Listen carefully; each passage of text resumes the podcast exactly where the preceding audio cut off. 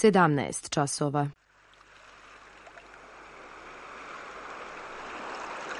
Radio Televizija Srbije. Radio Beograd 2.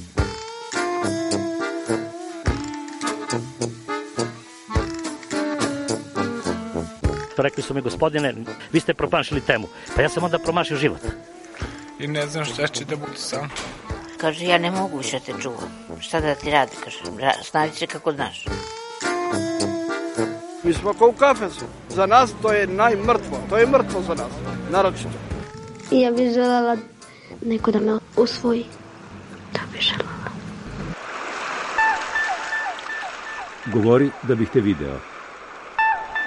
Program dokumentarnog zvuka.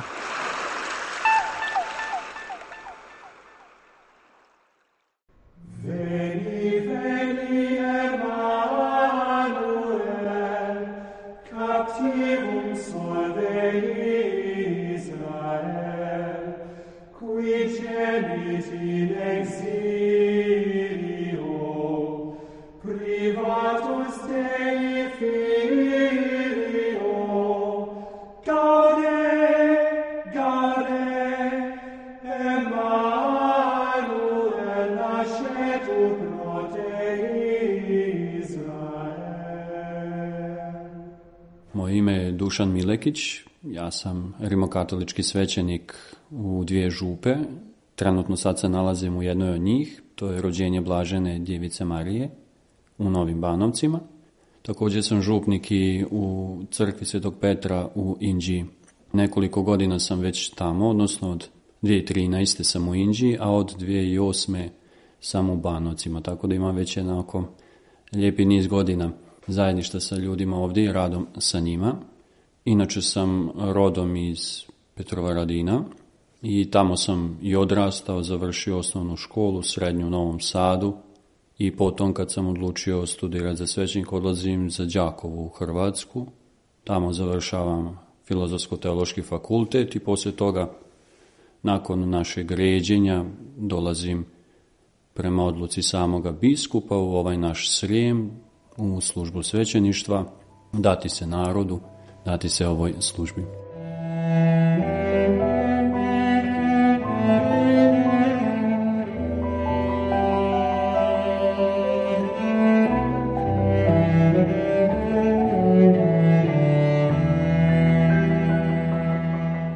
Pitanje toga da se odlučiš na to ne dolazi odjednom, su doista eh, dani, mjeseci, godine čak promišljanja, Istina, ja nisam planirao biti svećenik u početku, ja, kao, kao mladić. Imao sam svoje neke ideje, vizije, planove, ali to se počelo mijenjati sa srednjom školom. Ne znam, kao i svaki čovjek, svi se tražimo. I jednostavno vidio sam da u tome što ja planiram, osjećam zadovoljstvo, ali da nešto, nešto nedostaje.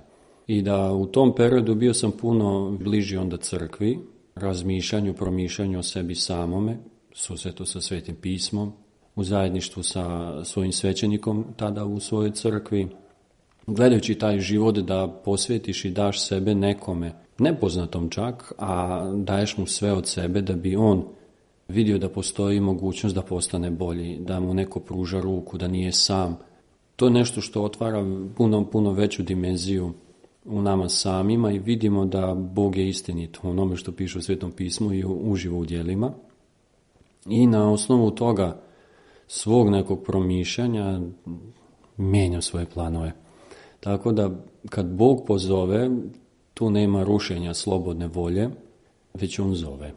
A na meni je, odnosno na svakom od nas, hoću li prihvatiti taj poziv, tako da to uzajamno postoji to zajedništvo. On zove, a ti u slobodnoj volji, prepoznajući tu ljubav njegovu prema tebi i svakom čovjeku, odgovaraš. Što se tiče moje obitelji, ima nas miješanih, tako da mi smo svi iz ovih krajeva vojvođanskih, tako da ima nas i katolički i pravoslavni u obiteljima. E sad, pitanje toga da sam ja postao svećenik, to je bilo doista onako veliko iznenađenje, jer sam prvi iz obitelji koji je postao svećenik – Naravno da je to bilo iznenađenje, ali onako doista veliko promišljanje i kod roditelja, pa i kod mene samoga. Jer sam život svećenika, posebno katoličkog svećenika, je zanimljiv i iznenađujuć po tom pitanju kako on izgleda. Posebno mora, po tome što moraš se žrtvovati na taj neki način, Bogu onome dati sve od sebe, pa i od same obitelji svoje vlastite.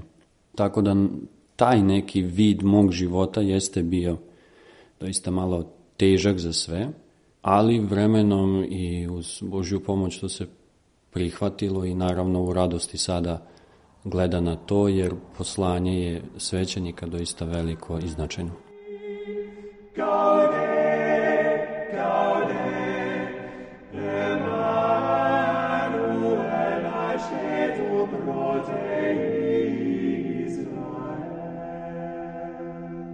što se tiče fakulteta, mora postojati taj filozofsko-teološki fakultet i bez toga ne može se postati svećenik. Kod nas ovdje u Srbiji nema takav fakultet za, za katoličkog svećenika, tako da mi moramo odlaziti najbliže u Hrvatsku i za nas u ovim krajevima Vojvodine mi uglavnom idemo do Đakova, odnosno naše nekadašnje e, centrale, budući je bilo Đakovačko-Srijemska biskupija, sada smo samostalni, i dan danas odlazimo tamo na te studije, ti dečki koji odlaze tamo žive u Bogosloviji, tamo provode svojih šest godina života, zajedništva, duhovne naobrazbe, oblikovanja, da kažemo to, usavršavanja, ajde da tako kažemo, rasta u vjeri i naravno u tom nekom studijskom smislu. Sam fakultet je pet godina ali mi koji ćemo biti svećenici imamo još dodatnu godinu, to je ta jedna vrsta pastoralnog usmjeravanja šta i kako nas i čeka i kako treba se postupiti, kako živjeti, kako raditi. Tako da kažem, eto, u zajedništvu s nama idu i ostali e, studenti koji će sutra biti vjeroučitelji. Oni ne postaju svećenici, muškarci i djevojke, oni postoje obiteljski ljudi, ali i u školama ili već na kojim mjestima postoje vjeroučitelji. No, kažem, mi koji smo svećenici imamo tu šestu godinu još dodatno. U toj godini na, na poseban način prolazimo određene predmete koji se tiču samog života tebe kao svećenika sutra, to je pristup ljudima, pitanje ispovjedi, pitanje suseta sa bolesnima, sa umirućima.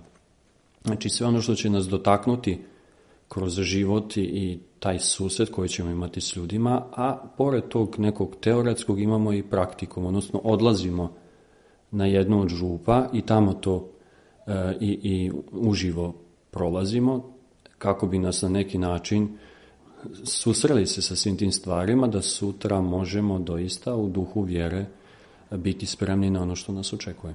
Meni osobno nije mi bilo teško u tim susretima. Pretpostavljam da Bog sigurno daje svoju milost u tome. Jer tamo kad te on zove, ne puštate samog, ideš sa njim.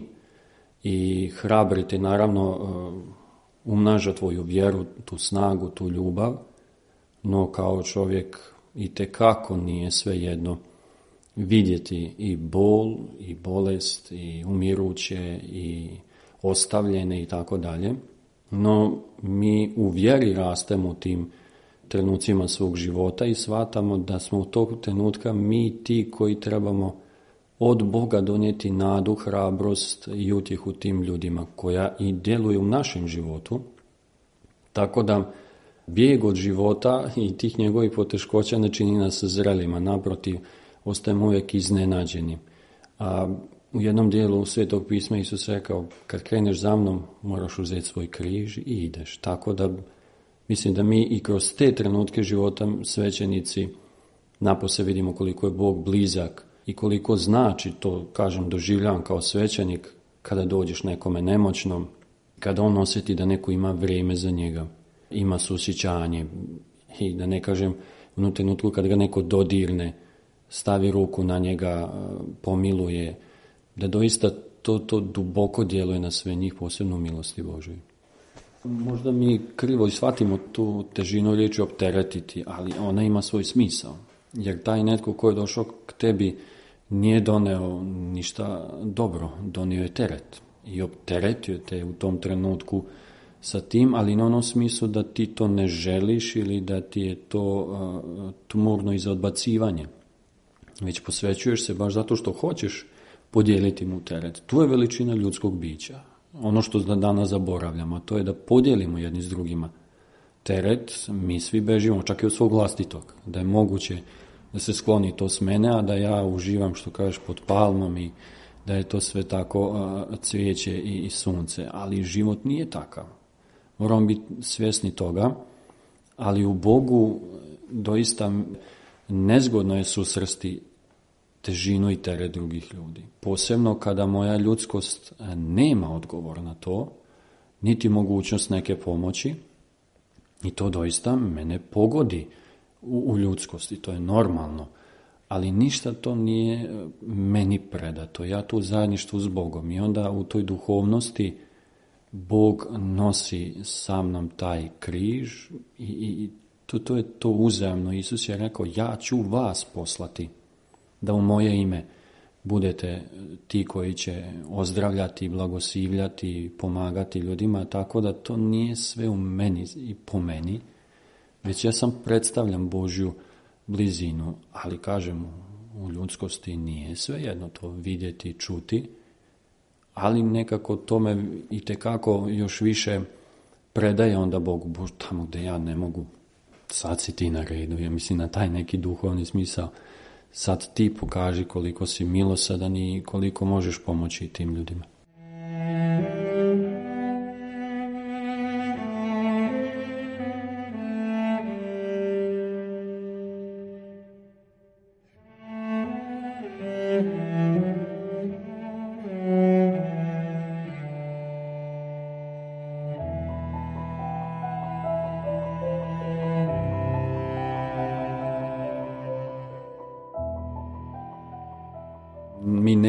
radno vrijeme od kad do kad, to je 24 sata.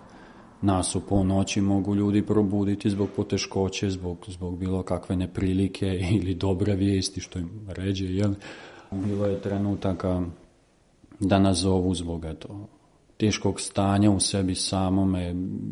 Bilo je tako trenutaka da ljudi nazovu da više nemaju izlaz, odnosno ne vide izlaz i da je dosta ime da, da bi čak izvršili samobojstvo i bude, mislim, bude takve stvari. Hvala Bogu ne u ponoći tako često, ali preko dana toga bude, no kažem, to vrijeme ne bira, tako da mi smo otvoreni svaki dan, svaku noć za sve. Mi smo stalno posvećeni ljudima. Dan je takav da nekad se posvetiš čitanju, posvetiš se nekom pisanju, dan je da se posvetiš bolesnima, obilazak bolesnika, dan je kad se posvetiš ljudima koji su se najavili na razgovor, na ispovjed, za molitvu, e, molitvu duhovnog smisla, odnosno da im potrebno za oslobođenje, za oslobođenje od zloduha ili bilo čega drugoga. savjeti ovako otvorenog tipa, sprovodi, krštenja, vjenčanja, sve doista, veoma je bogat naš dan. Nekad može biti ništa, što kažeš, onda se posvetim sebi, naravno, a u nekom trenutku bude ono da ne znam kako bi sve postigao u tom danu kada to treba.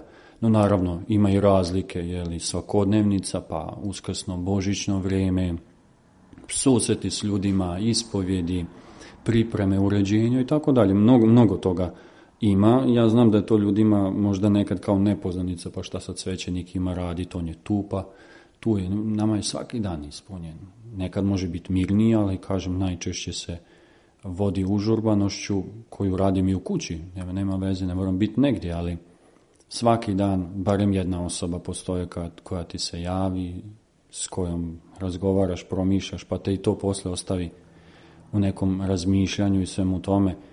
Tako da dan je uvijek zanimljiv.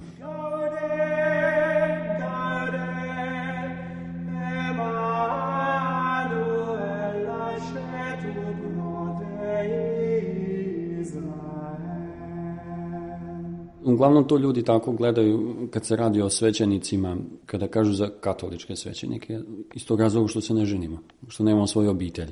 E zbog toga gledaju kao jednu veliku manjkavost naših života. Ka, sad kažem manjkavost, odnosno možda i nepravednost. E, ako se i dajete ljudima što vam se sada i ovo uskraćuje, ali to je naša vlastita odluka. Ne kažem da je laka, i da e, mnogo o tome ne promišljaš cijeli svoj svećenički život i stalno promišljaš, da ne uveren da je to sve tako samo odlučeno i gotovo, ali duboko u sebi uvek od Boga tražiš tu snagu da vidiš da li je ta tvoja žrtva vrijedna svega toga i vremenom shvataš da i jeste i da to tvoje jedno odricanje koje imaš nadopunja se u ljudima koji ti daruju svoju ljubav na svoj način prilikom svakog suseta. Kada je jednom Isus rekao, svi vi koji ćete se odreći svega što imate, imat ćete puno više i majki, i oca, i braća, i sestara, i domova. To je ta dimenzija koju je Bog utkao svima nama.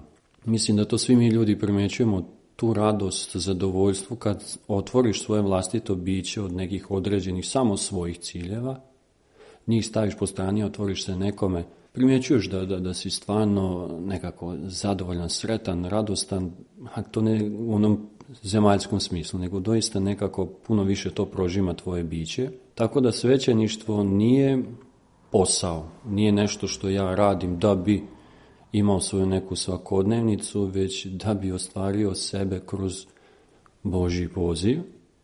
I onda dolazi ta punina da u stvari ti si cijel kada nešto od sebe odvojiš da daš drugima. To je nešto predivno i onda vidiš da se ostvaruje ono što je Isus rekao u životu postoje dvije zapovede, ljubiš Boga i drugoga kao sebe samoga. To je stalno svakodnevni izazov jer naša ljudskost baš nije u mogućnosti sve da to ispunjava, ali opet kažem kad to živi u tvom životu svakodnevno u toj odluci, to je neprocenljivo.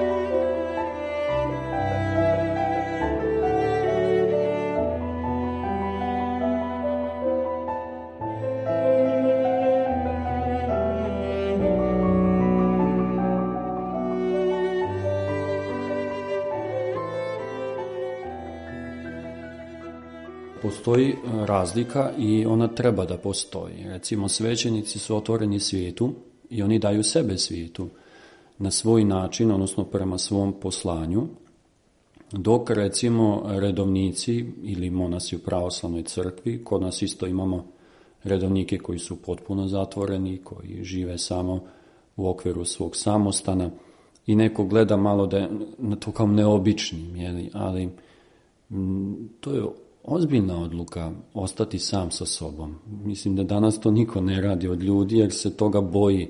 Zato živimo u toj nekoj velikoj buci oko nas, onda ne bi ostali sami u sebi jer dolazi onda mnogo toga o tebi. No, to su dvije dimenzije crkve. Jedna je djelatna, ona koja je pastoralno živa, a druga je molitvena. I ti redovnici koji su u svojim samostanima su snaga crkve u molitvi, koja i tekako treba posebno onima koji rade. Tako da te dvije kao različiti dimenziju stvari čine jednu crkvu. Svećeništvo jeste u svom značaju posebno veliko, jer ti predstavljaš Božju blizinu svim tim ljudima. Što se tiče katoličkih vjernika u Srbiji, veći postotak i broj je uvijek bio ovdje u Vojvodini. I dan danas je ostao, iako smo manjina veći broj katoličkih vjernika u Vojvodini nego dole u, jugu Srbije. Tako da iz tog razloga nas i ovdje ima više, kao, kao svećenika i crkava i pastoral, no daleko je to od onoga broja nekada što je bilo, ali opet i u tom nekom manjem broju ostaje veliki, veliki način rada sa svim ljudima, jer s jednim čovjekom da radiš imaš posla, ali ovako kada je tu u pitanju više stotina ljudi, zanimljivo je, zanimljivo je. Tako da, ok, posvetiš se tome i koliko je moguće, tvoja fizička snaga se nadopunja duhovnosti, pa polako.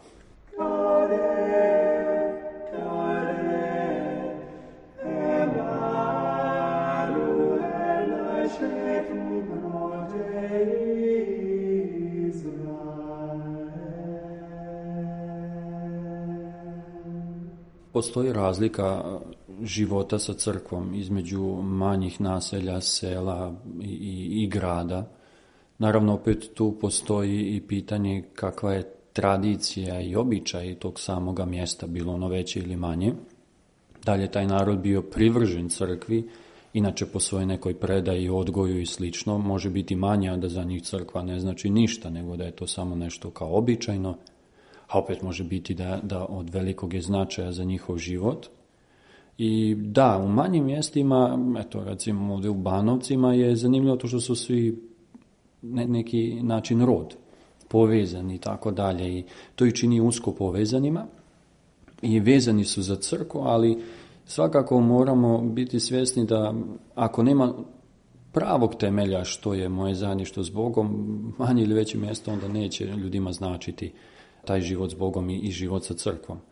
Dok recimo u gradovima zbog tog većeg broja ljudi, e, ljudi se gube u sebi samima i međusobno, to je problematika grada inače, i onda i crkvu gledaju kao neki, ha, da ne kažem neki usputni, duhovni i psihijatrijski e, ovaj, e, centar, to došao sam pa ću sad vidjeti no vremenom oni koji se približe crkvi u gradu shvate da tu onda postaju netko sa imenom i prezimom, neko ko te zna, neko je samo došao i prošao i to znači ljudskom biću puno, posebno danas kada sve prolazi kroz nas, ni u čemu se ne zadržavamo. E, kažem, svako mjesto ima svoj neki način pastorala i to je na nama. Kada dođemo vidjeti šta je rana tu, i kako je zacijeliti. Kad dođeš u novo mjesto, posebno taj trenutak kada tek dolaziš, kada te prebace, kada dobiješ novu crkvu, novu župu, trebaš steći povjerenje. Najprije zašto? Zato što ljudi su možda od ranije navikli na, na svog prethodnika, kolegu svećenika, koji je za njih možda bio u dobrom ili već na koji način ugodnom smislu. E sad dolazi neka promjena i ljudi nekad negativno na to mogu gledati, no mi svećenici, u sve kod nas katolika je to prisutno, mi znamo da se to događa, nije to nama nepoznanica, ali prolazimo kroz te procese prilagođavanja, upoznavanja i da, treba ti neko vrijeme da ti predstaviš sebe ljudima, da ljudi tebe upoznaju, da, da prihvate te, ali kažem, to je kod nas jednostavno prisutno i mi smo toga svjesni, tako da brzo to dođe, posebno ako ti kao osoba si u naravi takav pristupačan, pa onda to veoma lako ide. E što se tiče ispovjedi, pa da, i to i kod nas e, u crkvama je prisutno. Mi smo navikli na to da bilo kom svećeniku dolaziš jer imaš povjerenje u njega. Ne samo onome koji je posvećen tebi toj crkvi, već bilo ko da to od svećenika dođe, ljudi će mu rado otvoriti svoju dubinu jer prepoznajemo u tom sakramentu da se radi o susetu sa Bogom. I tada se otvara tvoja iskrenost, bez obzira e, ko je od svećenika tu, ali kažem to je kod nas jer tako se odgajamo. I ta otvorenost, ta iskrenost i to sve što ljudi znaju reći, govoriti da oni vjeruju u Boga i u tebe kao službenika crkve, što ti prija, drago ti je i onda još dodatno te to motivira da pokazuješ koliko Bog misli na njih, tako da taj jedan intimni susret je velik i ne samo to, jer mi smatramo da kroz ispovjed nije samo da čujemo šta se dogodilo, da damo oproštaj, već i poučavamo, savjetujemo, upućujemo kako treba, e to je ono između onih šesta godina gdje e, kako se postaviti, što reći.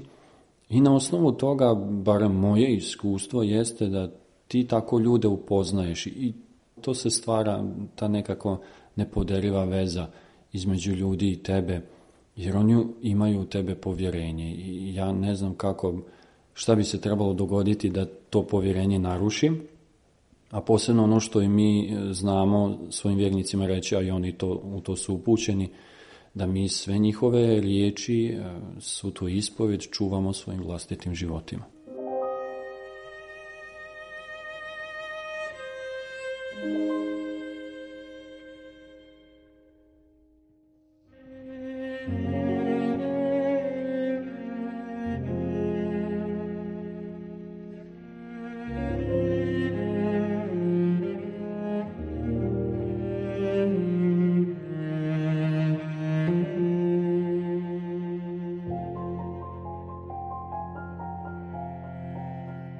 zajedništvo s ljudima koje mi imamo u životu sa njima stvara duboku povezanost, a to je ono da ti znaš sve o ljudskim životima, mislim sve, ne u onom smislu kao da tračariš, nego duboko si vezan za njih, pa znaš sve teške trenutke, trenutke smrti, tragedije, znaš radosti, rođenja, vjenčanja, prijateljstva, tu si kada su sukobi, pokušavaš da stvoriš mir, to stvara veliku duboku povezanost, a onda ljudi vide da crkva nije nešto daleko od njih, nego da doista njoj pripadaju. Da.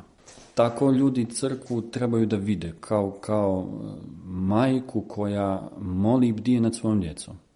Crkva je veoma snažan i vidljiv način u kome je Bog prisutan tu. To se ne radi sam ta, tamo je papa, tamo su biskupi, svećenice, oni se šetaju po crkvi, oni nešto govore narodu i tako da ne, ne, tu, tu je temelj Božja zapovjed i temelj radosna vijest da te Bog ljubi.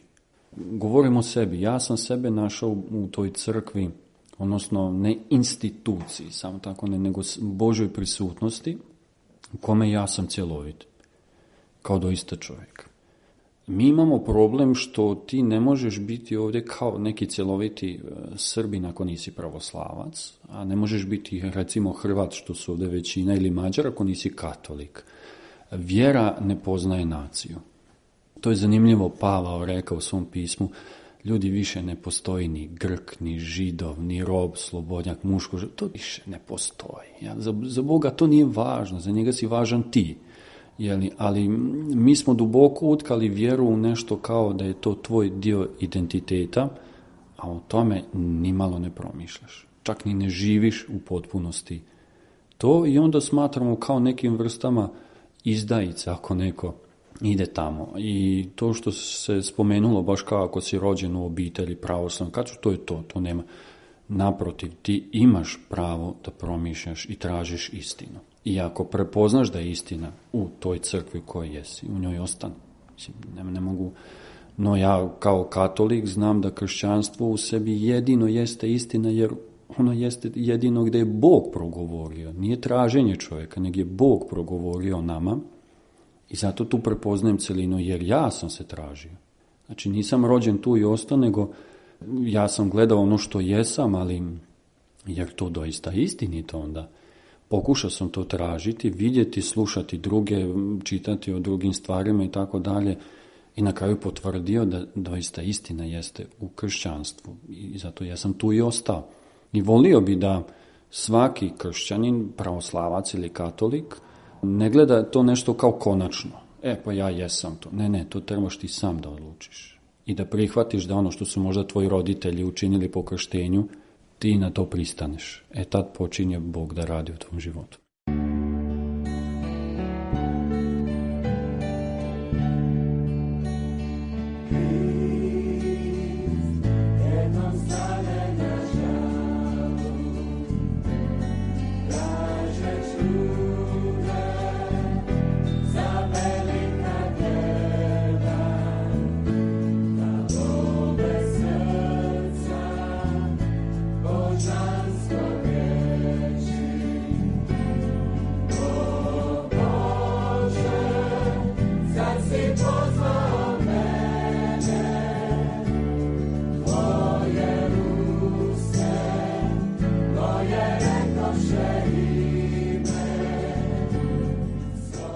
reportaži govorio velečasni Dušan Milekić. Autor Milena Radić.